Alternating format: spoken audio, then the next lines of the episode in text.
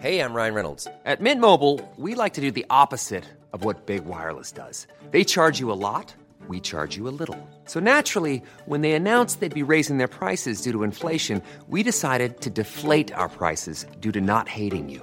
That's right. We're cutting the price of Mint Unlimited from $30 a month to just $15 a month. Give it a try at mintmobile.com slash switch. $45 upfront for three months plus taxes and fees. Promo rate for new customers for limited time. Unlimited more than 40 gigabytes per month. Slows. Full terms at mintmobile.com. Quality sleep is essential. That's why the Sleep Number Smart Bed is designed for your ever evolving sleep needs. Need a bed that's firmer or softer on either side? Helps you sleep at a comfortable temperature? Sleep Number Smart Beds let you individualize your comfort so you sleep better together. JD Power ranks Sleep Number number 1 in customer satisfaction with mattresses purchased in-store. And now, save 50% on the Sleep Number limited edition Smart Bed for a limited time. For JD Power 2023 award information, visit jdpower.com/awards. Only at a Sleep Number store or sleepnumber.com. Even on a budget, quality is non-negotiable. That's why Quince is the place to score high-end essentials at 50 to 80% less than similar brands. Get your hands on buttery soft cashmere sweaters from just 60 bucks, Italian leather jackets, and so much more. And the best part about Quince, they exclusively partner with factories committed to safe, ethical, and responsible manufacturing. Elevate your style without the elevated price tag with Quince. Go to quince.com slash upgrade for free shipping and 365-day returns. Veckans sponsor är Telia. Hos Telia samlar man mobil, bredband, IT-support, mobilväxel, allt som gör företagande enkelt. Och det är just det här att samla allt på ett ställe, att ha någon att vända sig till när det inte fungerar, det är Telia. Ett exempel på vad som inte är Telia, det är ju som när jag lyckas boka förmötet för en poddinspelning med Finansinspektionen till efter själva inspelningstillfället.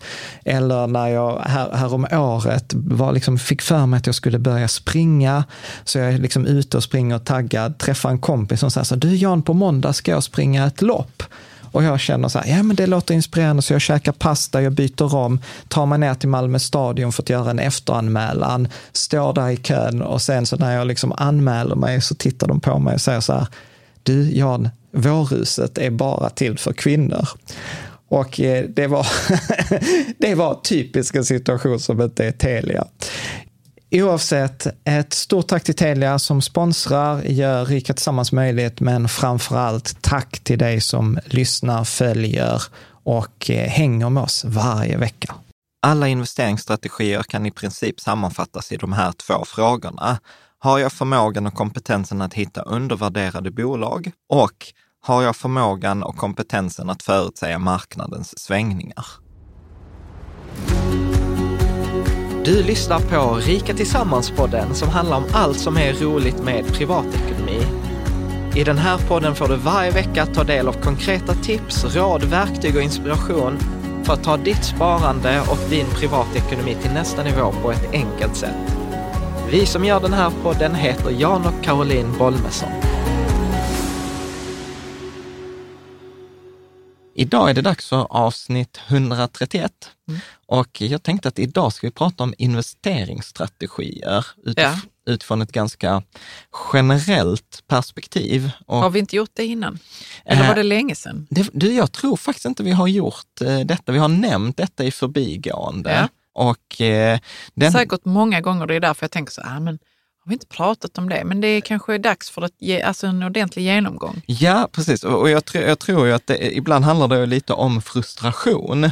Och mm. eh, ja, liksom inspirationen till det här avsnittet kommer just från en, eh, en läsare, Max, eh, som då följer oss på Patreon, som är vår lilla så här rika samhällscommunity där, där vi har liksom, ja men vi har ganska roligt, vi delar med oss av tips, extra material, man kan ställa frågor. Jag tyckte att den här frågan från, eller den här kommentaren från Max var väldigt rolig. Jag tänkte så här, ja men gud, detta måste vi ta upp. Detta är mm. liksom en fantastisk svordom liksom nästan. Ja. Ska du läsa vad Max har skrivit? Ja, Max eh, säger så här. Jag blir tokig på begreppet investeringsstrategi. Allt som jag läser och lyssnar på verkar ha som främsta råd att man alltid ska hålla sig till sin investeringsstrategi. Men det är ingen som förklarar vad en investeringsstrategi är. Mm. Jag antar att man kan se fyra hinkar som en strategi och investering i utdelningsaktier en annan. Frågetecken. Jag skulle bli väldigt glad om ni kunde ta upp olika strategier eller åtminstone vad man bör tänka på när man bygger en strategi. Mm. Ja, jag tycker, jag tycker Ja, det är klart Max att vi ska göra dig till viljes. Ja, Mm. Nej, men jag tycker, jag tycker detta är jättekul, för detta är en sån här grej som eh, jag förmodligen tar för givet. Eh, eh, liksom att alla vet ju vad en investeringsstrategi är och tydligen alla andra också. Jag Eh, vet inte det riktigt. nej. Jag har ändå varit med här ett tag. Precis. Ja. Eh, men jag tänker, och jag tänker faktiskt att vi ska titta på den utifrån fyra perspektiv. Eh, att vi ska titta på det. Fyra perspektiv. Ja, Mm. och jag tänker att vi ska titta på det lite utifrån ett guruperspektiv, ett analytikerperspektiv, ett traderperspektiv och eh, vårt perspektiv som ibland jag brukar ibland kalla för loser-perspektivet. Men som kanske där Mm. Som blir kanske en ändå twist. vinner ibland. Ja. Men du, eh, varför har du valt de fyra? Jo, men eh, för jag kommer, för det är när, när vi pratar om liksom investeringsstrategi. Så Du kommer till det. Ja, så jag kommer till det. Annars eh, så tänker jag så här att eh, vi gjorde ju ett avsnitt här, här om veckan om att förhandla bankränta. Mm. Eh, Och det följer väldigt väl ut.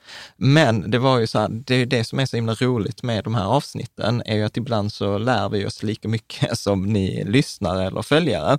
Och det är liksom så här, vi fick ju mejl från vdn för ett, eh, eller från kundchefen på ett bolag. Vi hade flera av er läsare som kommenterade. Så att vi har faktiskt gjort ett bonusavsnitt denna veckan också, som Ja. vi rekommenderar att man kan lyssna som en komplettering.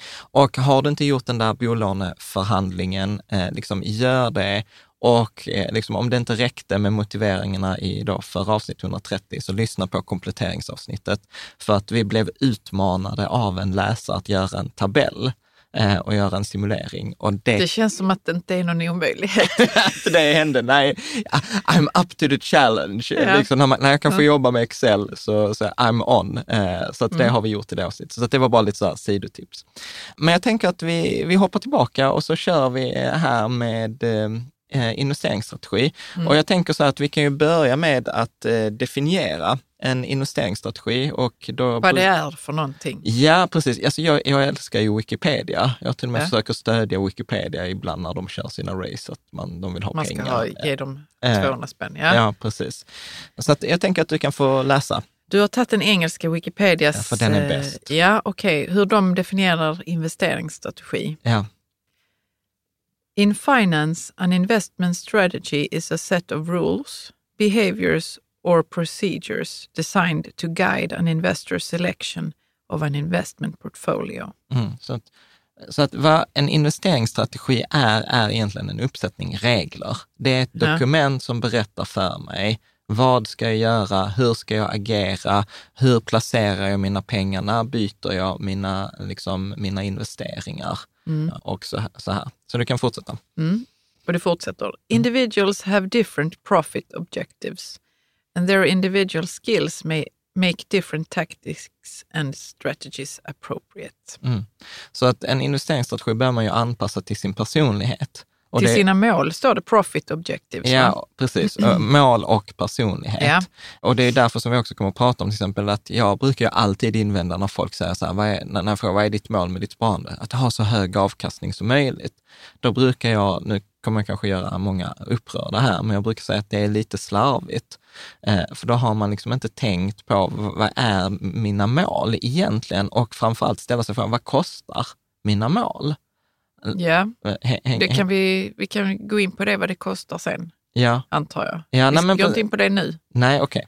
Okej. Nej, men jag tänker, jag ska bara ta ett exempel då. Ja, som ta jag ett tänker, exempel. Jo, men om jag till exempel tänker så att många av oss, liksom, ja, men vi sparar till pensionen. Ja. Ja, då kan jag ju räkna ut ungefär vilka utgifter tror jag att jag kommer ha som pensionär? Vilken livsstil vill jag ha som pensionär? Hur mycket pengar behöver jag i pension för att kunna täcka den livsstilen? Då behöver jag ju inte mer pengar än det som räcker för att täcka den livsstilen.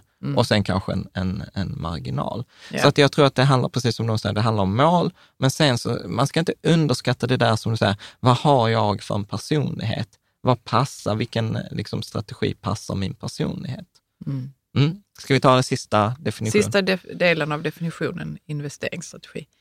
Some choices involve a trade-off between risk and return. Most investors fall somewhere in between, accepting some risk for the expectation of higher returns. Mm. Mm. Precis. Så att det handlar om liksom det här, balansera risken, balansera liksom målet.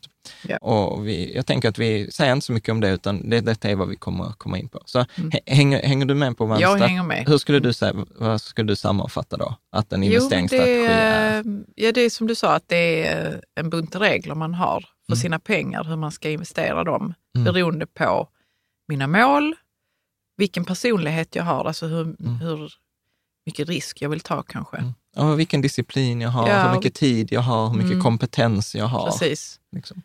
Eh, Mm. Var det något mer jag ville säga där? Nej. Så att jag tänker också, också, om vi vänder på det, så hur vet man att man inte har en strategi?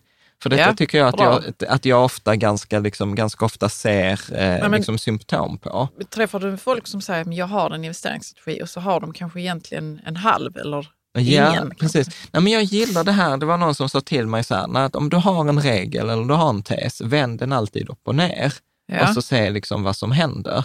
Och då tänker jag precis så här, så låt oss titta på hur ser det ut om jag inte har en investeringsstrategi? Och då kan man liksom känna igen sig kanske på en eller flera av de här punkterna. Och det handlar inte om att vara, eh, för att jag tror att majoriteten av oss som lyssnar, jag själv känner igen mig i de här punkterna. Så att det är inget att, liksom, att man ska slå på sig själv, utan bara se detta som, liksom bara, mm, vad intressant, jag känner igen mig. Det är kanske så att det finns möjlighet att förbättra den strategin Mm. som, som jag har. Och, Ja. och detta är också väldigt viktigt för att när man då exempel följer olika då sparprofiler, att, att man måste förstå vad de har för strategi. För att när man kopierar dem så kopierar man ju delar av deras strategi. Mm. Och vi har ju också en väldigt tydlig strategi som har tagit oss 20 år att utarbeta, som jag tror många har kopierat. Så jag tror också det kommer vi göra i slutet. Då, så vad är vår strategi egentligen? Mm. Och liksom, hur är det vi resonerar? Och jag tror inte att för dig som har följt oss kommer inte det vara några nyheter. Nej. Liksom. Bra, så att jag skulle säga så här, du har inte en strategi när du, Bara har målet att ha en så hög avkastning som möjligt, har Mm. du skrivit här. mm. Mm. så det har vi pratat om. Ska Ja. vi ta nästa? Eh, när man har osäkerhet, stress, tvivel eller det är inte till för mig eller dåligt samvete.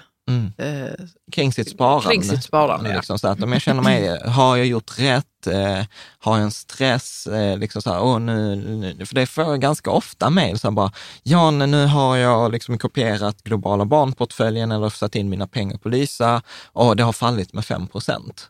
Ja. liksom, och då, då, har, då, då påstås att då är det en, kan vara ett tecken på att man liksom inte riktigt har förstått hela strategin, utan Mm. då har man bara liksom kopierat en liten del. ja. Liksom, alltså, det är som att säga i bilen, så här, så här, men nu stannar vi, nu stannar vi, varför stannar vi? Och så, så ja men vi står vid ett rödljus. Liksom, Mm. Det är naturligt att vi måste stanna ibland för att vi har kommit till, till ett rödljus. Och ibland behöver vi åka tillbaka samma väg en bit som vi kom för att det är en avspärrning. Mm. Det tillhör liksom spelet, så att det är inget att bli stressad eller ha panik för. ja, Vad tänker ja, du? precis. Jag tänkte något mer så glömde jag det, för du snackade så mycket. Du sa bra grejer. Okej. Eh, ja, nej men vi går vidare. Ja. Mm. Nästa punkt där är eh, att man har inte en strategi när man kontinuerligt lägger till nya investeringar när de dyker upp. Mm. Alltså det, det är ju samma som kanske förra, att man är lite, man står inte stadigt i sin strategi, Nej. utan det är helt plötsligt så händer det något där ute Ja, eller... och, man, och då så ska man agera på det. Ja, men till exempel så här, eh, om jag ska ta mig själv som exempel. Jag har gjort varenda misstag Ja, i men boken. berätta Så är det så här, dina jag- krigarhistorier. ja, precis. Nej, men till exempel så här, jag investerade i aktier och räntor och sen plötsligt hamnar jag på liksom, eh, sidor eh, där de bara pratade om guld. Är med? Ja, och och plötsligt då öppnade sig en ny värld. Och då så här, gud, alltså tänk, jag har blivit lurad här nu i aktier och räntor. Det är guld man ska ha, liksom, för världen kommer gå under och sånt. Och plötsligt så började jag lägga till guld. Ja, eh, eh, ja, så, så plötsligt så la jag till liksom en ny. Och sen så var det någon som berättade, men du, det finns ju den här fantastiska hållbara sparandet i, i Trine, som du vet du kan finansiera sol. Så lägger jag till det. Sen är det någon som säger så här, ja men du vet det finns ju så här, du kan finansiera eh, fastighetsprojekt i Tessin och så lägger man till det. Och sen så lägger man till liksom långa räntefonder, för det var någon som pratade, och sen pratar man liksom om korta eh, liksom räntefonder. Och, så, och plötsligt så liksom, eller så köper man liksom det där bolaget som någon tipsade om.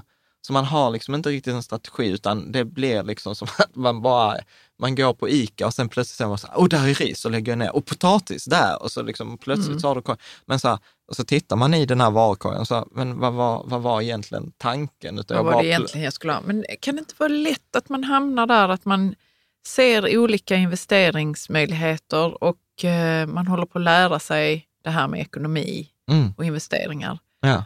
Och att eh, man kan liksom inte kunna allt från början. Var det inte det du kände också? Ja, ja, Att du ja.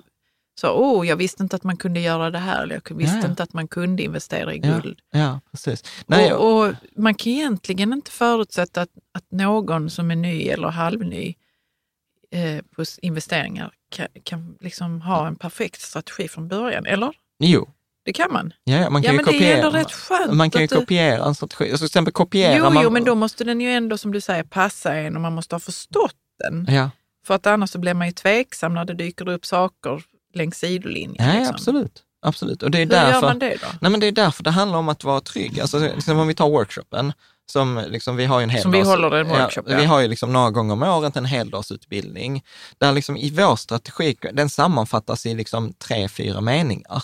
Mm. Så att det, det är gjort på fem minuter kan man förklara vår strategi och den tar liksom mindre än en timme att implementera och bygga och sen kan man ha den i tio år.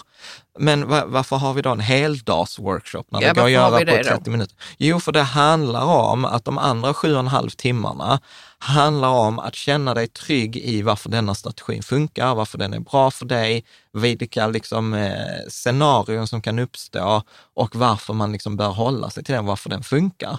Så att det handlar mycket om tryggheten. Att skapa sig en trygghet, alltså en, en, ens egen investeringsstrategi ska ju vara den där, jag står stadigt när det blåser, jag står stadigt när folk springer och har panik. För Ja. på börsen kommer man ha panik förr eller senare.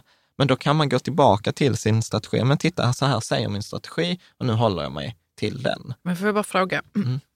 man går workshopen, kan man då ehm, få se olika strategier? Liksom, som, så, så att man kan känna så att, ja, Nej, jag går inte igenom olika Nej, du strategier. inte jag, igenom jag går igenom den, alltså det brukar alltid dyka upp frågor. ja, Och det kommer vi göra nu i detta avsnitt, där vi går igenom ett antal olika strategier. Inte i detalj, för att liksom olika strategier bygger liksom på olika resonemang. Och Mm. där finns liksom så här, finns ju böcker, alltså det finns ju böcker om till exempel en strategi som heter Magic Formula, Ja. som heter Joel Greenblatt, som han har skrivit. Så att det kan vi inte gå och det är igenom hans magic formula. Ja, liksom. men det är hans Mm. investeringsstrategi som han delar med sig. Så att vi, jag kommer liksom lite skämtsamt, lite roligt gå igenom liksom fördelarna och nackdelarna varför jag ogillar de andra strategierna. Mm. Sen är jag ju biased, för jag har en strategi som bygger mycket på forskning och som, som liksom inte uppfyller på andras behov. Som, som jag har inget behov av att känna att börsen behöver vara spännande. Att jag Nej, behöver få precis. kickar, för jag skaffar mig hellre kickarna någon annanstans. Så att då kommer till exempel många som har det här behovet av kickar, tycker det är spännande med aktier, vill vara pålästa, har en hobby, Mm. blir ju väldigt otillfredsställda av vår strategi. För Mm. där finns liksom inget utrymme för hobby, eller för roligt, eller vara duktig, eller Ja, det ha finns ju rätt. vid sidan om då, men Ja, precis. det är och, då får, och då får man ju välja om man tycker att det är bra eller dåligt. Mm, Det är precis, verkligen upp till en själv. Ja. Men jag, jag brukar också säga så här, om vi hoppar tillbaka här, hur vet du att du inte har en strategi? En så här klassisk regel, jag brukar säga, om du har fler investeringar än vad du har fingrar på eh, händerna. Flera olika sorters, investeringar. ja. än vad du har Mm. eh, fingrar på händerna. Så det Mm. brukar, vara, Mm. eh, brukar vara tecken. Ska vi fortsätta? Ja. Eh, nästa punkt, man, har inte riktigt, man kan inte riktigt förklara varför man har en viss sorts investering. Ja, det är jättekul. Då brukar jag ibland sitta med läsare eller på workshopen eller med våra kompisar, så här, men varför har du det här? Och om det Och inte... vad kan de ha då? Liksom? Ja, men det kan vara en viss Det vara enskild helst aktie. Det kan man- vara så här, du vet en Ericsson-aktie eller en Ja. Telia-aktie. Och så, så varför har du en Telia-aktie? Jag vet inte. Och så får man, ja, för att staten gjorde en stor marknadsföringskampanj för många år sedan att Telia var folkaktien som alla skulle äga. Alltså, då är jag så här, sorry, not good enough, bort. Mm. Liksom. Så att jag tycker att man ska kunna motivera liksom, varför man har en spelare. Liksom, varför, I ett, återigen, analogi till exempel fotboll. Varför har du en mittback? Liksom? Jo, men jag har en mittback för att det är den personen som ska styra försvaret. Vi behöver försvara oss när det andra laget har bollen. Bra, mittback it is. Liksom. Ja, den Sen- försvinner inte, nej. Nej, sen kan man fråga sig, okay, varför har du just den mittbacken? Ja, men för att han är två meter lång och han passar bra i det försvaret som vi spelar. Liksom. Mm. Fine. Nu känner jag mig så att Vadå? skitsamma. Nej, säg nu, säg nu. Alltid är det killar som ska spela fotboll. Det finns tjejlag också. Ja, och det är klart. Jag whatever, tänk- tänk- whatever, vi går vidare. Ja. Du vet, jag håller den feministiska fanan högt. Ja, det är bra. Okej, man har inte en strategi när man eh, hattar från det ena till det andra. Så nästa stora grej, Ja. bra tips. Ja, precis. Det kommer ju hela tiden så här. Ha, Mm. Prenumererar man på Dagens Industri.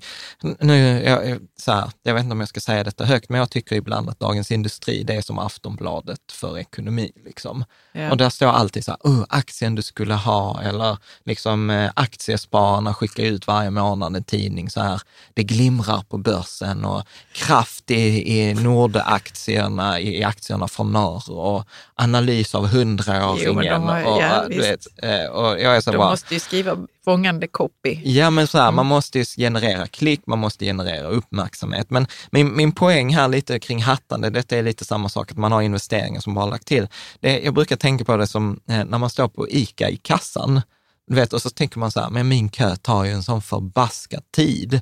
Och då brukar jag tänka, så, här, jag byter kö, jag flyttar mig till nästa kassa. Men vad är det som alltid, eller jag vet inte om det är er andra, men det händer ju alltid Då, mig. då reser sig kaskörs, kassörs, kassören eller kassörskan upp och ska gå och göra någonting. Ja. Och man bara blir fast igen. Ja, precis. Ja. Och då är, då är min tanke så här att om man då hade varit sjukt snabb på att byta kö, så man hade kunnat byta kö hela tiden, ja då hade du ju aldrig kommit fram till kassan. Liksom så här, oh fastigheter, oh guld, oh aktier, oh räntefonder, oh fondrobot. Liksom så här, man kommer aldrig komma fram till, alltså så här, ställ dig i en kö, vänta i den, liksom så här, håll dig till din strategi. Jag bara undrar så hur länge ska man stå där då? För det kan vara så att det tar ju jättelång tid. Ja, har man, och man har bra... inte med, räknat med det. Nej, men har man en bra strategi, säg stå kvar att- så länge som strategin säger. Vår Ja, strategi bra. säger till exempel 5 till 10 år. Liksom. Mm. Så att nej, du byter inte liksom, strategi för att du har gjort en strategi, sen köpte du på börsen och 45 minuter senare så var din investering nere. Liksom, nej, det är inte en anledning att byta Mm. Nej. strategi. Okej. Ja, bra. Nästa. Du har inte en strategi när du saknar den helhets, eh, helhetssynen och helikopterperspektivet. Nej. Kan du berätta vad det betyder? Nej, men jag ska säga, jag behöver kunna överblicka mitt sparande. Alltså att jag har koll, jag fattar hur de olika delarna eh, liksom hänger ihop. Återigen, vi tar fotbollslaget och damlaget. Tränaren Mm. behöver ju då kunna se och överblicka laguppställningen. Liksom, och Ja. fatta, jag har Ja, rätt, visst. rätt person på rätt plats. Detta är ju så intressant. Eh, för då tänker du bara pengarna man sätter undan eller tänker du så hela ens ekonomi? Eller? Ja, ja, he, För både detta är ju så spännande. Jag ska berätta. Det har jag ingen aning vad du Nej, tänker. det är när vi har pratat om eh, investeringar och vad man gör med sina pengar Ja. så brukar vi ju bara prata om pengarna som vi sätter undan. Ja, Men sen så kan man, man kan ju titta på olika sätt liksom. mm. På hela ens Precis, ekonomi med prat- huset och du vet, absolut. bilen den är, äter pengar så den är inte någon bra... Nej, men. Ja, men du Men vet, eh, alltså det är kanske inte investering på det viset Nej. men det är ändå så vart pengarna tar vägen. Liksom. Absolut. Nej, men det där är ju två grejer, tänker jag, kring det där. Eh, Det är därför vi brukar använda den här fyra hinkar-principen. Ja. För den tar upp, den adresserar en ganska stor del. Den ser till att du har både ett anfall, ett mittfält och ett försvar. Gud vad mycket fotbollsmetafor. Ja, jag som inte det. ens, gill- jag som Så, inte vi ens tittar gillar inte så mycket på fotboll, Ja. nej, men vi, förstår Det är säkert någon eh, läsare att som det bara- måste finnas. Ja, det är säkert någon läsare som är så här, ah, nej Jan, håll, håll dig från sportmetaforerna. Nej, men så att den ser till att du har rätt, liksom, eh, rätt liksom, människor på hela liksom, planen. Och sen det andra när det gäller att ha, ha koll, det är ju därför jag har upplevt att det saknas ett verktyg liksom för att hålla koll på den liksom, uppföljningen och planeringen av ekonomi. Det håller vi på med nu och kör till och med ett betatest. Så att det kommer komma mycket fler avsnitt om det nästa år, tänker jag. Ja.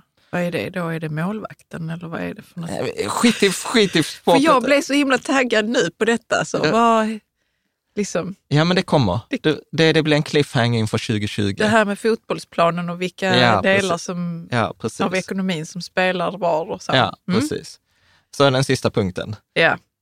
Du har inte en strategi när du handen på hjärtat inte riktigt har koll. Ja, Och vad är det man ska ha koll på Nej, då? till, exempel, till exempel, bara en sån här grej. utgifterna Ja, eller vad är det? så här, ja, jag ska, om jag ska vara helt ärlig, jag vet inte exakt hur min pension kommer att se ut. Även om det finns minpension.se så tycker jag det är klurigt. Jag har, jag har koll på vilken fördelning mellan aktier och räntor har vi i våra respektive portföljer. Men om vi skulle titta på hela vår ekonomi, svårt att säga, eh, till exempel. Nej, Så- hur långt kan man ta det? Man kan ju veta så. Hur, man kan ju ha koll på eh, inkomst och utgifter, hur mycket man sätter undan, hur Ja. mycket man sparar Ja. Och vart men- det tar vägen. Liksom. Ja. Alltså du tänker hela vägen från... ja, från, eller- från ax till limpa, liksom. Ja. så här, som ett liksom, företag, om duktiga företag. Men återigen, liksom, vi kommer till det nästa år, utan jag vill bara kasta ett ljus på liksom, så här, vad, vad behöver man en strategi till? Mm. Liksom, och hur vet man att den inte är optimal? Jo, den är inte optimal när du känner igen dig i någon av de här punkterna. Och vi har också satt upp de här punkterna på, på bloggen. Mm. Liksom. Så att poängen är ju att man behöver ha en strategi som är anpassad för en själv. Vi är och vi fungerar olika och vi behöver liksom en, en, en strategi som funkar utifrån de förutsättningar vi har. Men med det sagt så påstår jag att det finns några så här universella regler som nästan oavsett om du kör utdelningsstrategi eller Magic Formula eller indexfonder eller vilken annan strategi som helst som jag tror alla skulle hålla med om. Okej. Eh, eh, Som är liksom så här, det är därför jag kallar dem nästan universella regler. Och då handlar det om att, Ja. En del, eh, spara en del av din inkomst och investera den. ja, Mm. så att jag tror liksom så här, motorn i en sparande är alltid det, skillnaden mellan mina inkomster och mina utgifter, det jag kan lägga undan. Ja. Det är liksom det, det viktigaste. Sen är det olika rekommendationer. Pratar man med oss så säger vi 10 till 20 procent av din lön.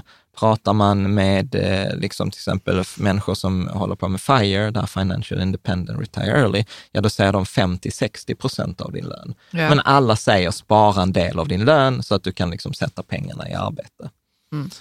Nästa punkt är pengar är bättre på att arbeta än vad vi någonsin kommer att vara. Ja, Och det kanske är en nyhet för vissa att pengar jobbar. Ja, nej, men precis. Det är en metafor som jag brukar använda. Att liksom Ja. Pengar kan jobba 24 timmar om dygnet, sju dagar i veckan, 365 dagar om året, flera år i rad.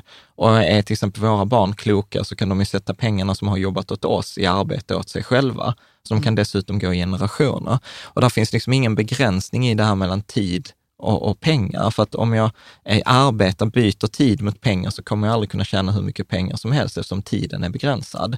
Men pengarna har ingen begränsning i tid. Nej, men jag tänker på det att eh, det kan ju vara någon som, som aldrig har lyssnat på den här podden som, som lyssnar nu. Mm. Och eh, vad vi menar liksom med att de arbetar, det är ju att de jobbar upp... Liksom, de tjänar ränta, de får en Ja, lön för sitt jobb. Ja, och, och en, en grej som vi pratade om var det här med pensionen. Mm. Att ehm, om, man, om man väljer att pensionera sig när man är 65 Mm. så får man en viss, låt säga 9 000 netto Mm. i månaden.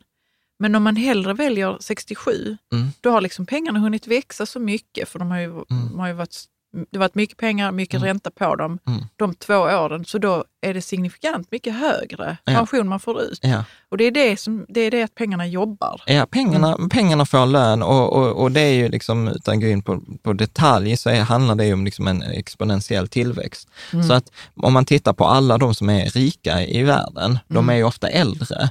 Ja. För att till exempel, som eh, jag brukar ju säga att man ska komma ihåg att pengarna dubblas ungefär var tionde år.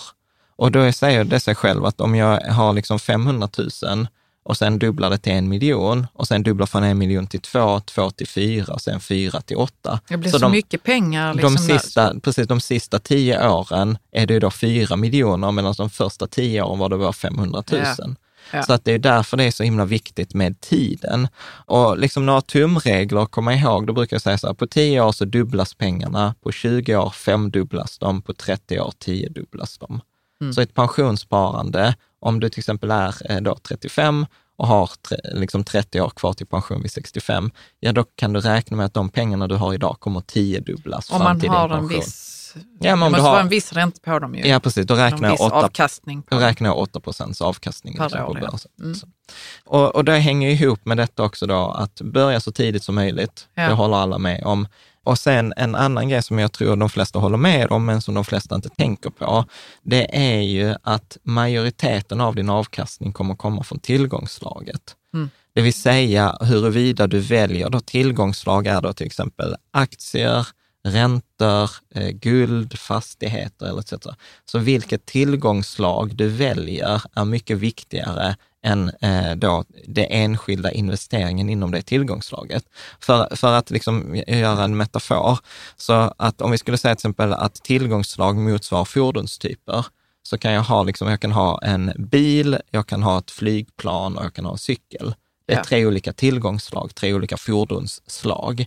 Den snabbaste cykeln kommer aldrig vara snabbare än en bil. Nej. En bil kommer alltid gå mycket snabbare än en cykel. På samma sätt, en aktie kommer alltid ge högre avkastning över tid än en räntefond. Mm. Ett flygplan kommer alltid liksom gå mycket fortare än, än, en bil. Men å andra sidan så är flygplan väldigt osmidigt att ta dig därifrån du är till en centralstation. Eh, Är du med? Så att det, olika tillgångar har olika syften. Ja. Eh, Och de två vanligaste som vi kommer att prata om idag, det är ju aktier och räntor. Ja. Och då brukar, det har vi också pratat om i avsnitt 99, Mm. att aktier är gasen i ditt sparande och räntor är bromsen i ditt sparande. Så alla investeringsstrategier bör ta upp fördelningen mellan aktier och räntor, alltså mellan gas och broms. Och då är det liksom så här, återigen repetition nu, tillgångslaget styr avkastningen och risken. Återigen, så här, så här, ska du köra mellan Malmö och Stockholm, vi bor i Malmö, så om jag tar bil, det spelar inte jättestor roll. Om jag har valt tillgångslaget bil så kommer det säga att ja, men det kommer att ta ungefär sex timmar. Sen spelar det inte så stor roll om jag väljer en kombi, en sportbil eller liksom en ny bil eller en fem år gammal bil. Det kommer att ta ungefär sex timmar. Så att eh, jag brukar då liksom jämföra det, att om vi tittar då till exempel på en indexfond, alltså aktier, som ger 8 då, säg 8 procent eh, i avkastning. Så då kommer av de här 8 så kommer 6,4 av eh, 8 procent kommer då ges av att jag har valt aktier. Eh, ungefär 1,2 procent av 8 kommer då ges av vilken typ av aktier jag har valt. Har jag valt amerikanska aktier, svenska aktier, tillväxtmarknader och endast liksom ungefär då 0,4 av 8 procent kommer bestämmas av äh, valde jag Länsförsäkringars globalfond eller Danske Banks globalfond eller Avanzas globalfond. Ja. Så den här diskussionen som man ofta har, så här, vilken fond ska jag välja? Det är ganska sekundärt, utan det viktigaste är så här, vilket tillgångsslag valde du och vilken typ inom det tillgångsslaget. Återigen, vår sportmetafor. Har jag valt bil så kommer det avgöra tiden från Malmö till Stockholm. Mindre påverkan kommer om det är en sportbil eller en kombi och ännu mindre påverkan om jag då väljer sportbil, om jag väljer en, en Porsche eller en, en Ferrari. Liksom. Mm. Eh, Ja. Är, är det förståeligt? Absolut. Om vi då tittar på investeringsstrategin så kan man liksom vara en professor, tror i boken Asset Allocation, som står så här att man kan koka ner alla investeringsstrategier till två frågor.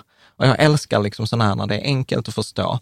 Ska du ta de två frågorna? Mm. Då är den ene så här. Kan ju jag förutsäga marknadens rörelser? Mm. Och så är det en ja-nej-fråga. Ja. Den andra frågan. Kan jag analysera och hitta undervärderade investeringar? Mm. Precis. Ja eller nej? Ja, så att, eh, och, då, då har vi liksom fyra kombinationer. Liksom ja, ja, ja, nej, nej, ja och Mm. nej, nej. Så jag tänker att vi ska titta på de här, för detta är ganska kul, tycker Ja. jag. Så om vi börjar med eh, ja, ja. Mm. Så att, Ja, jag kan förutsäga marknadens rörelser och jag kan analysera och hitta undervärderade investeringar. Precis. Mm. Och då, då har jag satt titeln så här, gurun.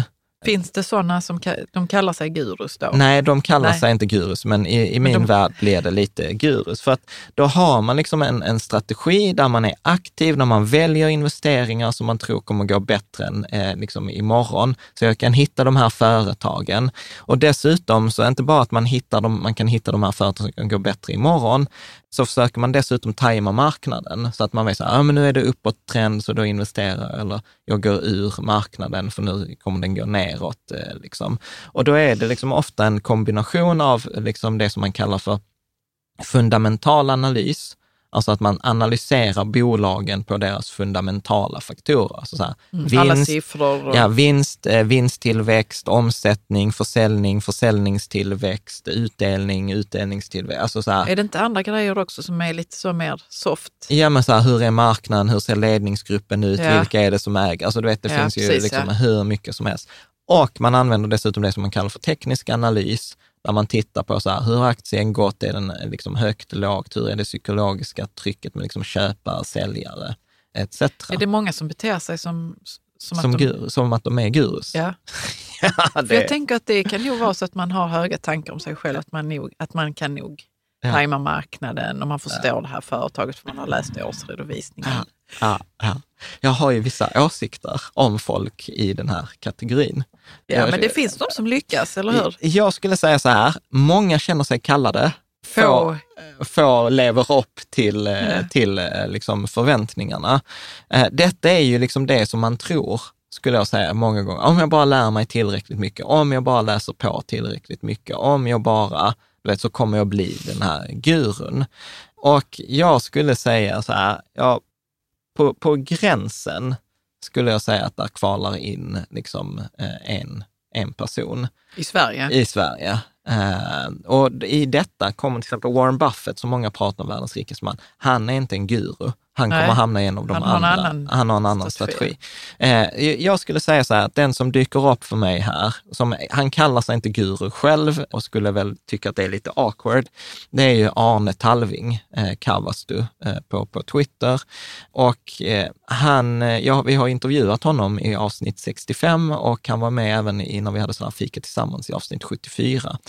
Han är ju en väldigt, väldigt speciell person. Han har ju hållit på med aktier sedan 80-talet. Eh, Det gäller väl att man är lite speciell kanske om man är en Ja. har gurustatus eller ja, precis. det Han, hållet. Ja, precis. Alltså bara liksom så här, vad, vad han, för det första så skulle jag säga att han har en enorm disciplin. Alltså, eh, och, och Kring, sen, kring, eh, kring sin investeringsstrategi. Ja. Alltså, eh, och han är, han är ruthless i att följa sin, eh, i sin strategi. Jag liksom frågade honom vid ett tillfälle, så här, hur gör du om du tror att din strategi är fel? Och då sa han så här, ja då samlar jag data i två år, jag följer fortfarande strategin och sen gör jag kanske en förändring. Och jag är så här, alltså om jag tror att jag har fel, då vill jag ändra direkt. Jag sitter inte och gör fel i två år för att samla på mig data. Nej. Är du med? Och, och sen så handlar det liksom också om att han lägger ner enormt mycket tid. Eh, jag tror när jag frågade en genomsnittlig vecka så la han 40-50 timmar på börsen. Eh, varje dag förde han in eh, 200 mätpunkter från text-tv manuellt i sin Excel-fil. Han har en så stor Excel-fil att hans dator pallade inte med att öppna Excel-filen. Liksom, det var för mycket data i Excel-filen för att Excel skulle palla med det. Och detta har han gjort i över 20 år. Ja. Och då var det någon som sa, eh, sa till eh, honom så här, men du vet, det finns ju bättre sätt än att kopiera data från, eh, från text-tv. Eh, och jag var så här, du använd aldrig de här verktygen för att den dagen du slutar kopiera där från text-tv så kommer du ju liksom inte få samma känsla för det. För Nej, fråga- precis. Jag tänker det också när man manuellt skriver in så får så man lär en- man ju sig det. Du vet, så här, det Ja. roliga är så att jag har ju testat eh, Arne och så här, bara så här, Ericssons aktiekurs hösten 2001. Ja, då kan han säga så här, 35 kronor 80 öre. Jag sa, hur vet man en aktiekurs för random företag på Stockholmsbörsen i liksom en tidsperiod för 15 år sedan? Men då kan han det. Mm. Är med? Och, och, liksom, och, det, inte- och det var liksom inte påhitt, utan du vet, vi, Du- gjorde, du- vi gjorde det liksom live eh, i, i, i podden. Så att jag skulle säga så här, ja, det är en guru, liksom lite stämpel. Han, han klarar detta uppenbarligen. Men jag vet typ ingen annan, inte ens professionella fondförvaltare som till Henrik och Andreas, de hamnar inte heller i gurun Nej. eh, gurukategorin. Ja, jag vet inte om jag ska säga, det, detta är alltså, om det inte framgår tydligt, något jag avråder från. Där finns liksom ingen, ingen, eh, inga bevis. Eh, för tittar man på forskningen så säger forskningen så här att försöker du tajma marknaden så kommer det kosta dig i genomsnitt 1,52 procent avkastning om året. Tittar man på analytiker, som vi kommer att prata om sen, så finns det liksom inget bevis för att du kan göra bättre analyser än någon annan eh, på, på marknaden. Så att, Men jag är, ja. lite, jag är lite intresserad av hur det går för Arnes investeringar. Jag tror att det går man- bra för Arnes För investering. att om man ska vara, ha guru, Mm. ett guruskimmer kring sig så måste man ju ändå liksom, Jo, jo. måste kunna se det i siffror också. Absolut, det finns ju sjukt mycket kritik mot Arne. Han har ju jättemycket nättroll och folk som säger att han är bluff eh, etc. Eh, Jag har liksom inte kunnat verifiera hans siffror. Hans, han, han gör ju fantastisk avkastning och gjort det i över tio år. Och vad är, hur är en fantastisk avkastning? Ja, men han slår ju index med ganska många procent. alltså är det året. 15 procent? Ja, jag tror ja, ja, mellan 10 och 20 procent Mm. bättre än index. Och det, det är ju magiskt. Alltså, 10-20 procent bättre än index och index är 8. ja, eller procent. Nu vet jag att det är många läsare som är så här, Jan för helvete, lär dig skillnad på procent och procentenheter. Ja. Så om börsen gör 8 så gör han mellan 18 och 28. Ja. Och då är det procentenheter Enheter. vi pratar om. Ja. Mm. Eh, Så att, eh, ja, jag är slarvig med procent och procentenheter. Men jag, så här, för mig är det så här, det är kongruent. Eh, Det han säger, det han pratar, alltså så här, käkar man middag med Arne, det är svårt att prata om något annat än aktier. Är, är, är med? Det, det, du vet, hela hans liv är eh, liksom aktier och han är sjukt duktig. Så det, men jag skulle säga så här att det går kanske en på tusen, en på tiotusen. Svårt att kopiera en gurustrategi kanske Ja, på det viset. Men precis. har du någon annan som du skulle kunna Ja, men vi kommer... ge exempel Nej, på? inte, inte på eh, gurus. Nej, men i, alltså i USA till Nej, exempel. inte som jag känner till. Inte som jag känner. Alltså, detta är det enda exemplet. Alltså, Arne har ju hållit utbildningar och detta har väl varit, om jag ska vara lite hård mot Arne, så är detta min kritik mot honom. Att han, han berättar om sin strategi och den är ganska sund förnuft och man fattar den. Problemet är att man dessutom behöver vara som Arne som person. Och de flesta av oss är inte som Arne Nej, som person. Vi har inte. inte den självdisciplinen, vi har inte det minnet, vi har inte den drivkraften etc. Och sen det andra som också blir problemet då för en guru är att om vi då tar till exempel Arne, många av de sakerna han gör funkar när man har lite kapital. Och lite kapital i detta fall kan vara upp till 100-200 miljoner, liksom, vilket är mycket kapital, men det funkar inte för en fond. Nej. Men med så att det inte är en så här, men Arne kan inte du starta en fond? Jag tror att hade han startat en fond och tagit in kanske 3 miljarder kronor, till exempel som Lysa eller andra fonder, då hade inte strategin funkat. Liksom. Mm. Ja. Intressant. Ska vi ta nästa kombination? Mm. Kan jag förutsäga marknadens rörelser? Nej, Mm. svarar vi. Kan jag analysera och hitta undervärderade, eh, undervärderade investeringar? Ja. Precis. Och då har, har vi att göra med Analytikern. mm, Och här hittar man, skulle jag säga, majoriteten av aktiespararna. ja, Eh, man hittar de flesta fonder, till exempel. Eh, och då har vi, vi hade till exempel Andreas och Henrik som vi intervjuade i avsnitt 124 från Coeli, eller vi hade Marcus Hernhag här i avsnitt eh, liksom 80. Och då säger man så här, att man utgår från att marknaden har felprisat aktier. Att eh, man, liksom man jämför, man gör en egen vär- värdering, alltså då det som vi kallar för fundamental analys, och sen så jämför man sin egen värdering med den värdering som marknaden har gjort. Och sen så säger man så här att marknaden har fel, antingen liksom idag eller imorgon.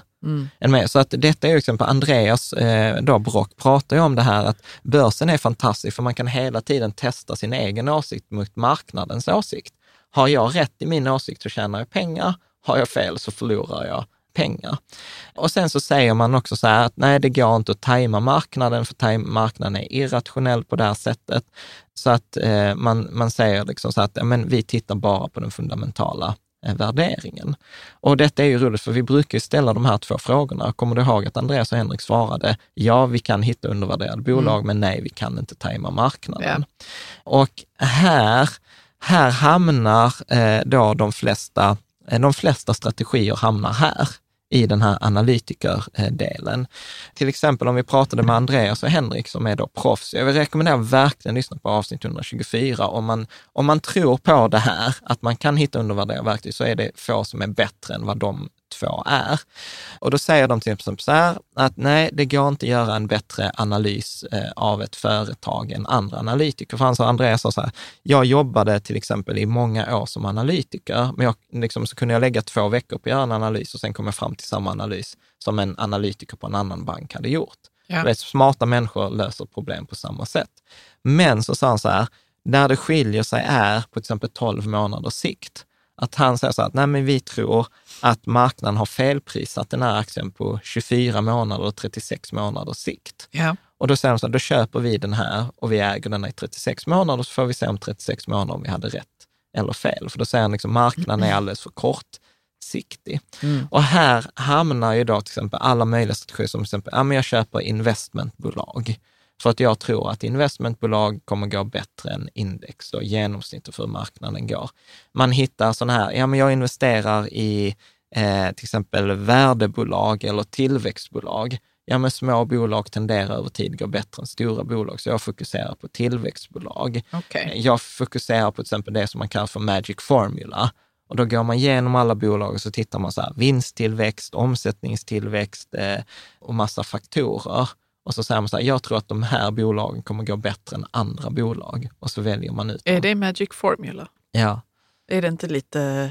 Nej, men man tittar på en massa nyckeltal och sen finns det då till exempel, alltså om man gillar, om man är analyt så finns det ju fantastiska sajter som till exempel Börsdata, Börsdata, där du kan få fram alla svenska aktier och du kan få fram varenda kvartalsrapport, alltså nyckeltal etc. Och så sorterar man dem, man gör olika screenings etc.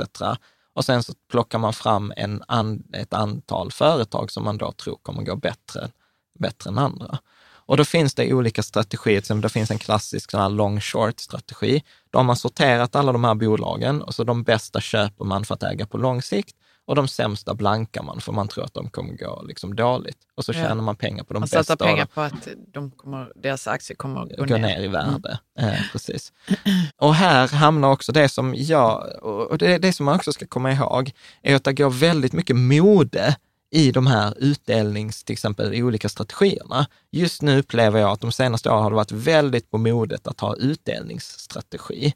Vad betyder det egentligen? Mm. En utdelningsstrategi bygger på så här, jag köper bara bolag som delar ut, äh, delar Som ut en utdelning. utdelning. Och en utdelning är helt enkelt, företaget har gått med vinst och så delar man ut en del av den vinsten till sina ägare, utdelning. Och, eh, och sen så har man vissa krav, till exempel att utdelningen ska växa för varje år eller etc. Jag personligen har feta issues med den här Ja, strategin. du är väl inte den enda som har feta issues med det? Eh, nej, nej, men detta är väl en sån här grej som jag kommer få skit för. Men jag tänker till exempel eh, så här, att, att många som använder till exempel utdelningsstrategi, varför de säger så här, ah, men du vet, sen jag började med utdelningsstrategi så går det mycket bättre än vad det gick innan. Och då säger jag så här, skitbra, förmodligen innebär det inte på att det var en utdelningsstrategi som gick bra, utan för att ett företag ska kunna göra en utdelning, vad har man då implicit sagt? Att det måste gå med vinst? att det måste gå med vinst, Mm. eller hur? Genom att du bara sorterar bort alla bolag i din portfölj som inte går med vinst, betyder det att du har ökat kvaliteten jättemycket. Eller, eller hur? ja, liksom. man får hoppas det. Ja. Jag hörde också att om man nu hela tiden ska gå med vinst Ja, så kan det vara så att man tummar på andra saker i företaget. exakt. Och det är min andra... Vad det nu kan vara, jag kan inte riktigt Mm. säga Nej, om det är men- men- ledarskapet eller Nej, nej, eh, whatever. Liksom. Nej men så här, om jag ska ta exempel, om jag ska dela ut utdelning Mm. som företag, det betyder att det är ju pengar som jag inte kan använda i verksamheten för att till exempel ut, ta fram nya produkter eller göra research. Ja. Så, så för mig är det ibland så här att om ett företag gör utdelning så kan det ibland vara ett tecken på att, eh, att det är en dåligt management. Att, det är en dålig, att de inte är särskilt kreativa. Ta till exempel Amazon. De, I många år gjorde de inga utdelningar. Apple gjorde inga utdelningar i många år, för de återinvesterade alltid i företaget, byggde stor kassa. Betyder det då att Apple eller Amazon har varit dåliga företag? Nej, tvärtom. De kan ju välja att dela ut vilken dag som helst. Ska jag då välja bort Apple i min portfölj bara för att de inte har utdelning? För att de, är, de har ett duktigt management som investerar i research? Nej, det tycker jag är dumt. Det andra är ju dessutom vad som händer då, för då, då har man hittat på så här utdelningsaristokrater till exempel. Vänta, finns det ordet på riktigt? Ja, jo, jo, dividend aristocrats. Eh, Kan det- du bara berätta vad det är för någonting? Jo, det är ett eh, företag som har- här. Det känns som att det är ett fjantigt ord. ja, du vet, det kommer du, du Nej, kommer men jag ha, kanske inte alls kommer hånle. Berätta. Nej, jo. Nej, men då är det företag som exempel delat ut eh, i 25 år och haft en ökande utdelning under de 25 åren. Mm. Så att eh, där, sen finns det ju naturligtvis undantag, till exempel ett företag som är på en mogen marknad, man säger så här, vi vill inte expandera mer, ja men då är det ju rimligt att de delar ut pengarna. Men, men för mig är det också till exempel ett, om ett företag har en hög utdelning, så är det också ett tecken på att den förväntningen om tillväxt i framtiden i aktien kommer att vara låg. Så man tror inte att denna aktien, detta företag, kommer att växa lika mycket. Så det är också ett dåligt tecken. Sen ett annat sådant här dåligt tecken, exempel, som jag tycker att folk som missar, som följer utdelningsstrategier, det är så här att om man då, eh, liksom, som företag, vi, vi gör bra med vinst, vi har investerat i research, vi delar ut till ägarna, för till exempel vi har fått det kravet på oss, så delar man ut 4 procent av vinsten, liksom, eller 4 procent Okej. av aktievärdet. Ja. Inte av vinsten, av aktievärdet. Så jag har en direktavkastning eller en utdelning på 4 procent. Okej? Året efter så ser man så här, Gud, vi har upptäckt att en annan konkurrent inte har gjort så bra grejer, så att vi vill till exempel köpa upp den här konkurrenten. Men då innebär det att vi, vi kommer göra en satsning, men vi kan inte göra en utdelning. Då kommer ju alla som då bara har en utdelningsstrategi som låter så här, jag investerar bara i företag som har en ökande utdelningstillväxt. Då kommer de ju ta bort den och straffa den aktien när det företaget egentligen gjorde en bra grej. Mm. Med? Ja, detta har varit mitt lilla rant här Men kan det verkligen finnas människor som, som har den strategin? Alltså, tar, Jättemånga. Jätte, Det Mm. finns till och med fonder som startade nu, jag tror Aktiespararna startade så här, Aktiespararna utdelningsfond med företag, bara de bästa utdelningsföretagen. Får jag, det här är en annan sak kring Mm. utdelningsföretag. Ja. företag. Om man nu hela tiden räknar med att det ska bli mer och mer utdelning Ja. och vi pratar om eh, hållbarhet och sådana saker. Ja. Alltså jag, jag vet att detta kanske inte har med själva ekonomin att göra. Ja. Men det är ju, det är ju inte så att det kommer att det, vi bara kommer få mer och det, beror, mer det beror på vilken fas. vinst. det beror Jag på, vet inte ifall det är så. Om man har solpanelsföretag så kanske det är så. Liksom, att det Ja. bara kan, man bara Det- kan få mer och mer utdelning. Men det beror på vilken jag fas, vilken fas företaget är. Ja. Till exempel, det är svårt Ja. för ICA till exempel, men, men för ett solpanelsföretag, absolut. Svårt för ett gruvföretag eftersom det är ändliga resurser. Så jag tror Precis, att det beror på vilken typ av företag och vilken fas. Alla företag är ju inte i samma fas, Nej. utan det Nej, där sant. liksom följer. Mm. Så, att, eh, så att analytiker, eh, detta är ju den klassiska eh, liksom, strategin. Här skulle jag, liksom så här, 80 procent av alla strategier skulle jag säga hamnar i analytikerfacket. Eh, alla de här aktiespararna, varje sån här tidning de skickar ut så är det ju så här analys av och så tittar man på massa faktorer. Jag själv, jag gillar inte de här strategierna för att eh, min huvudsakliga invändning är så här, jag kan inte göra en bättre analys än någon annan. Jag tror inte att de som gör analyser kan göra en bättre analys än någon annan. Så att jag tror, jag tror på det som marknaden, eh, det som man brukar prata om att marknaden är effektiv, att all information finns tillgänglig, aktierna är rätt prissatta idag. Sen säger jag absolut att det finns felprissättningar på, ti, på, på sikt, men om jag, om jag säger så här, vi vet ju hur hårt Andreas och Henrik jobbar i den här Coeli Global Selektiv. Och då är jag så här, de gör detta på heltid, de har gjort detta i 20 år, de liksom investerar de i ett bolag i Indien så åker de dit och träffar vdn. De åker på en branschmässa för betalningslösningar för att få reda på vilka, liksom vilka, vad tycker konkurrenterna om ett företag? Vad är det som ter sig hända i branschen? De intervjuar folk som har slutat eh, på företag, de intervjuar kunder. Det är så här, de gör sjukt mycket research på att innan liksom de köper ett företag. Hur ska jag som en småsparare som har familj, som har barn, som liksom ska driva mitt eget jobb framåt, hur ska jag kunna konkurrera med de här människorna? Mm. Liksom. Så att för mig går detta bort för att det är så här, det är liksom inte lönt att spela, spela det, det spelet. Nej. Okej, Mm. då går vi vidare då med de här två viktigaste frågorna. Ja. Mm. Kan jag förutsäga marknadens rörelser? Och då svarar den här nya då, nej. Eller vänta, Jo, de säger ja. Kan ja, jag de säger ja. kan jag Ja, det förutsäga- är jag som sitter här och... Kan jag förutsäga marknadens rörelser? Ja. Ja, Kan jag analysera och hitta undervärderad investering? Nej. ja. Och vad har vi att göra med då för några? traders. Mm. Och tradersarna är ju då motsatsen eh, till, eh, till analytikerna.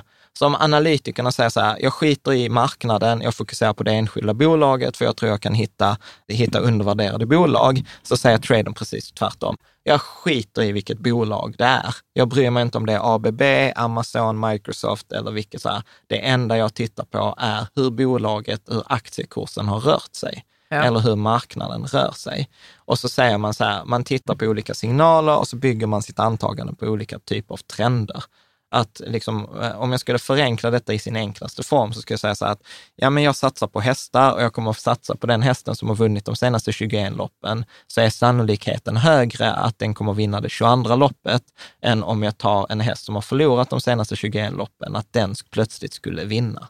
Och så bygger man det på sannolikhet och man bygger detta på historiska mönster. Och här kommer det in liksom ganska så strategier som momentum trading eller glidande medelvärden, att man tittar så här, hur har denna kursen gått de senaste, liksom det senaste året? Om kursen är på väg upp, ja men då köper jag om den har liksom bryter de här. Men hur, hur blir man en sån här trader egentligen?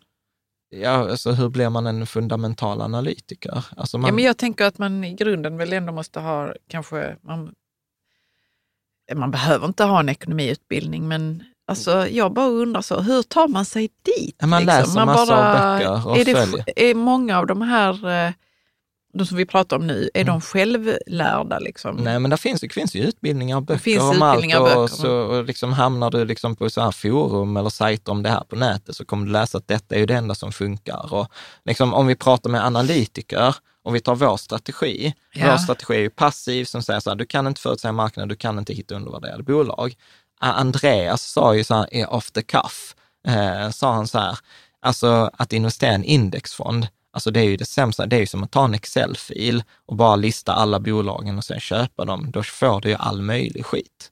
Mm. Liksom.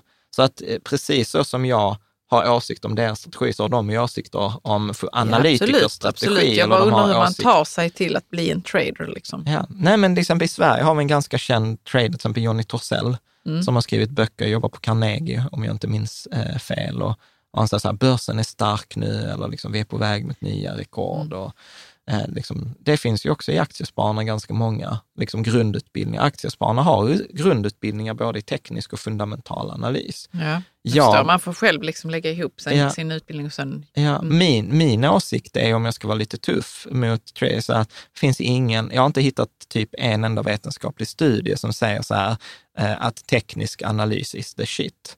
Utan, För det är det de ägnar sig åt, Ja, ja, ja, ja precis. Mm. Utan det man säger är så här, ja men där finns ett visst eh, liksom, överprestation i momentumstrategier, men det är inte mycket liksom. För det låter som de har liksom sitt eget lilla språk, eller? Ja, ja, det det klart kanske de finns har. det Ja, genomgående men det- i men det hela finns det- det finns det ekonomibranschen. Men det finns det ju alla. Pratar du med en analytiker så kommer de säga så här, ja men vad är ebit genom eh, EV-kvoten? Liksom, eh, eller liksom eh, ebitda, liksom earnings before interest and tax depreci- depreciation. Fan vad jag är dålig på engelska.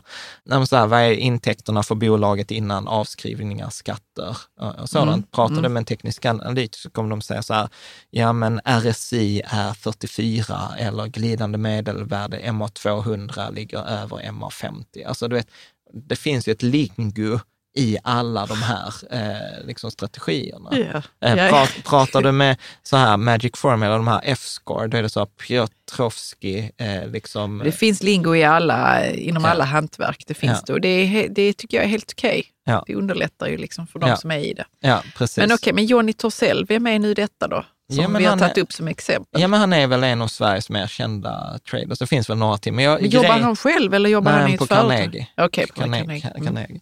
Alltså jag känner inte till det, som jag, jag har testat teknisk analys. Vi har massor av böcker om teknisk analys i, där uppe och jag tyckte det var jättekul ett tag. Och sen var jag så här, det går ju inte bättre, det går ju lika dåligt om jag håller på med detta som med Men det måste ju ändå funka för, eh, för någon. Liksom. annat. Ja, ja, jag är ju högst skeptisk. Vi, måste, vi skulle tagit in en trader.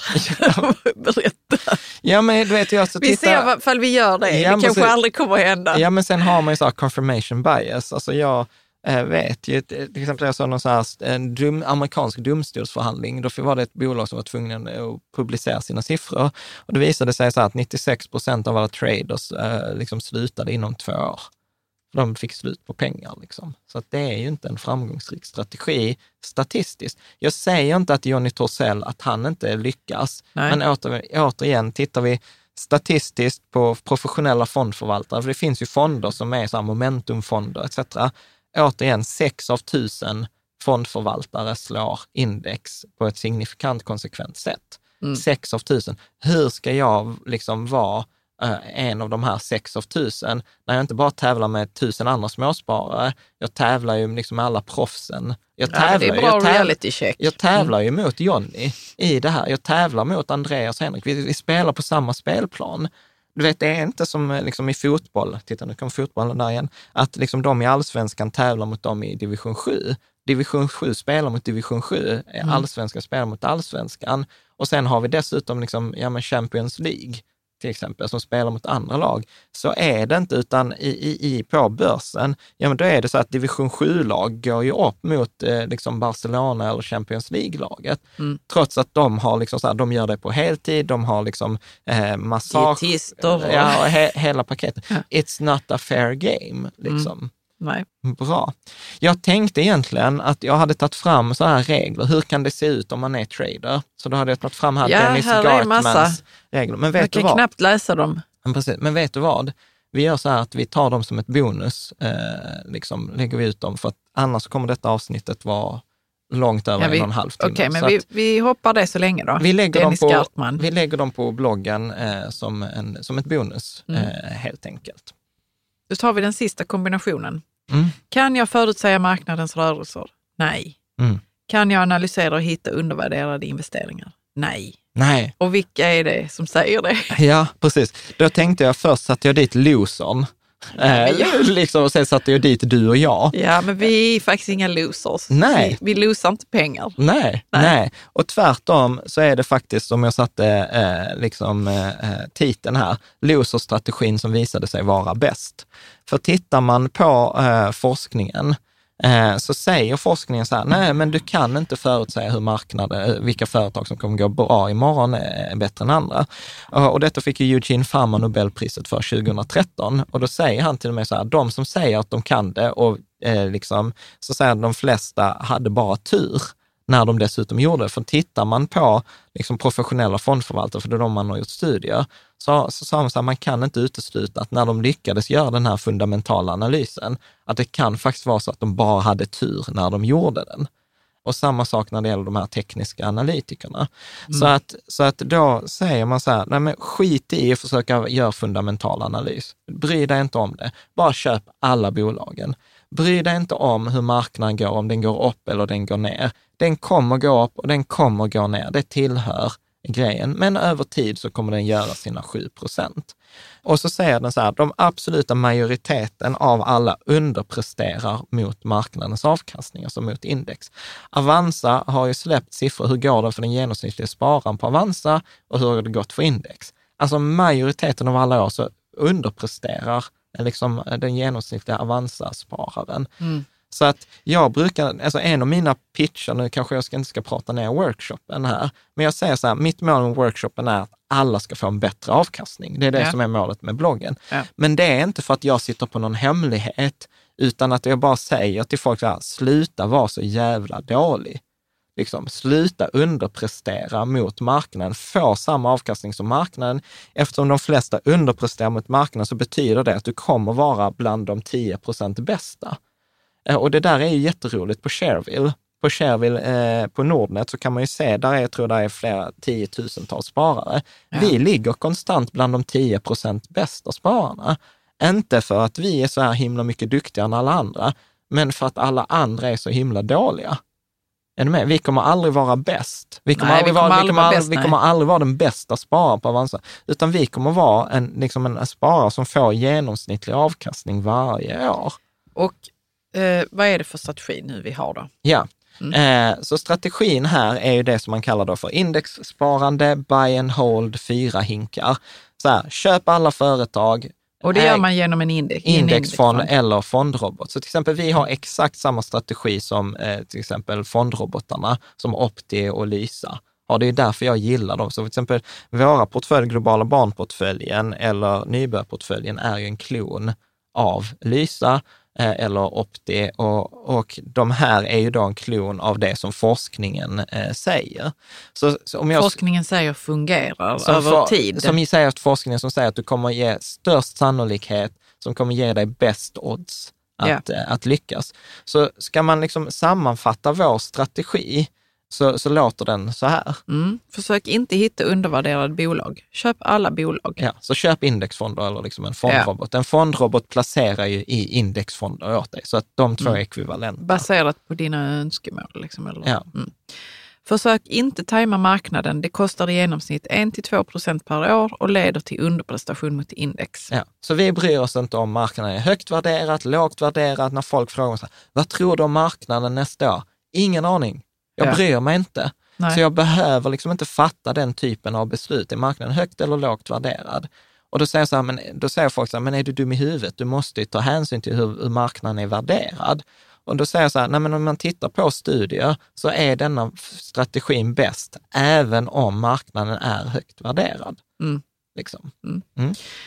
Håll kostnaderna så låga som möjligt, max 0,4 procent. Ja. Då säger också forskningen, det som kommer att avgöra mest hur det går för dig är vilken avgift du betalar. Ha det så billigt som möjligt. Och då är det billigaste jag har lyckats i dagsläget är ungefär 0,4 procent. För att få ha en räntefond. Eller Nej, inte för en räntefond, en förlåt. portfölj. In, ja, en En, portfölj. in, en indexfond med liksom då aktiefonder och räntefonder. Ja. Eh, och det är då, sen väljer du Lysa, som vi då också har en sponsrad länk till, eh, då ah, ligger man på 0,4 procent. Ja. Ja. Ändra inte din strategi så länge inte dina mål ändras. Ja. Så att vi bryr oss inte om det är handelskrig mellan Kina och USA eller någonting. Vi förändrar inte strategin. Den enda, gång, den enda giltiga anledningen till att ändra sin strategi är om målen förändras. Det vill säga att jag säger att jag ska gå i pension när jag är 55 istället för 65. Eller, ja men gud, eh, min livssituation har förändrats. Vi har skilt oss. Eh, Jag behöver en större buffert. Då förändrar jag min strategi. Inte på grund av hur marknaden går eller vad aktiespararna skriver eller vad någon annan blogg skriver. Liksom så här, stå stadigt. Liksom. Månadsspara regelbundet. Ja, bland det bästa man kan göra. Mm. Jag vet inte, det känns inte som det är så mycket mer att säga om det. Nej, bara så att man sparar, så Regel. man får mer och mer. Ja. Mm. Låt pengarna jobba över långa tidsperioder, minst 5 till 10 10 år. Ja. Mm. Så att ju längre tid, desto större sannolikhet för att jag går med vinst, desto större sannolikhet eh, att jag kommer tjäna, tjäna pengar. Så att tiden ökar avkastningen och minskar risken. Inse att du är dina pengars största fiende. Ja. Jag, alltså så här, tittar vi på all forskning så visar den beteendemisstag kostar oss mycket mer än vad marknaden kostar oss i misstag. När vi Eh, börjar ta ut pengar. När jag tar ut pengar för jag tror att marknaden ut kommer gå och- ut eller Mm. jag freakar ut eller att jag har fel risk i min portfölj, att jag har för låg risk eller att jag har för hög risk. Så att det är liksom inte marknaden som kommer att ha störst negativ Men då är det ju att man inte tror på sin strategi. Ja. Mm. Exakt. Ombalansera en gång om året. Ja, precis. Se till att du håller, har du valt till exempel 60 procent aktier och 40 procent räntor, ombalansera, för det kommer skiftas under året. Men en gång Ja. om året ombalansera. Det är det vi kommer göra nu i januari. Och det kommer ett avsnitt Ja. om det. Precis. Logga in på din depå så sällan som möjligt. Ja, precis. Man tittar inte så mycket på Nej, men om- hur om det går för, för li- ens pengar. Precis, lite grovt sagt så kan man säga att börsen går upp sex dagar av tio och ner fyra dagar av tio. Så det säger sig självt, ju längre tidsperiod det går mellan att jag loggar in, desto fler positiva dagar kommer det vara, desto större sannolikhet det är för att det kommer att vara plus. Mm. Och loggar jag in och ser att det är plus så kommer jag känna mig bra och så kanske jag loggar ut igen och då låter jag pengarna vara i Mm. fred. Så att, eh, nej, logga inte in. Den sista, badom. Ja. Fokusera på lyckan i vardagen. Ja. Vad tänker du kring detta? Nej, men jag tänker också att eh, målet är ju inte dö rikast på kyrkogården, utan att det handlar ju om att använda pengarna med medveten konsumtion. Och sen också som vi gjorde, tror jag, avsnitt 116, att, eh, som heter så här, om inte pengar gör dig lycklig så spenderar du dem nog fel. Att faktiskt se så här, hur kan jag använda mina pengar eh, för att göra min vardag fantastisk. Eh, För att det visar också massa psykologiska studier att det som bedömer vårt välmående mest är hur vår vardag är. Det är inte den där semestern en vecka om året, utan det är min vardag som bestämmer mitt, eh, mitt psykiska välmående.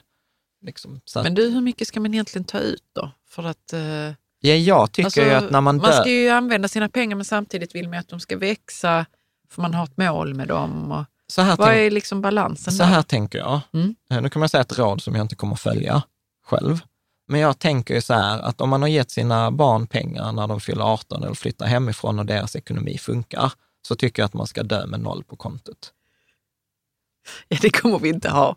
Nej. Och det är, Varför, tyck, varför säger du det Ja, då? men varför inte? Ja, ja, ja. Varför inte? Alltså så här, barnen får väl göra sin grej. Liksom. Och, och ger man barnen för mycket pengar, ja, då tar man ifrån dem deras drivkraft. Det finns väl, och nu minns jag inte om det finns, om hur det var, men det var så här, hard times create good men, good men create good times, good times create weak men, weak men create hard times, hard times create hard men. Alltså du vet så här, Det går i en cirkel att det där. går i en cirkel. Så att jag tror att eh, om man själv, att man kan ibland stjälpa mer än man kan hjälpa, även om intentionen är god. Ja.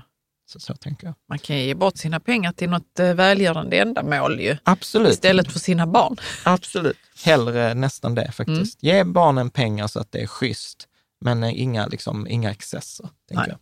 Snyggt hör du. Eh, Ja. Då blev det lite längre avsnitt än jag trodde. Men eh, jag tänker så här, ett stort tack till Max som var Som anledning. ställde frågan. Ja. Ja, precis. Och Max eh, hänger ju med oss på Patreon och Patreon är ju vår lilla community där vi försöker dela med oss av lite, lite extra material, lite tips, eh, lite tankar. Ibland kommer vi liksom med aktietips på introduktioner som inte alltid kommer på bloggen. Vi har digitala frågor, fika tillsammans med allt från gäster till ibland har vi själva eh, sån här Ask Me Anything. Eh, vi har också, kommer ha så här lite digital workshop för de som behöver lite mer hjälp med ombalansering. Så det, är lite, det ska vara lite, lite mervärde. Ja. Och sen väljer du som tycker att det låter spännande vill vara en del av den communityn. Du väljer ju själv på vilken nivå du vill vara med, hur länge, eh, etc. Men du kan läsa mer på patreon.com rika tillsammans. finns länk i anslutning till avsnittet också. Så att eh, ett, eh, jag tänker så här, ett fantastiskt eh, stort tack för, eh, för den här gången och så ses vi, ses vi snart igen.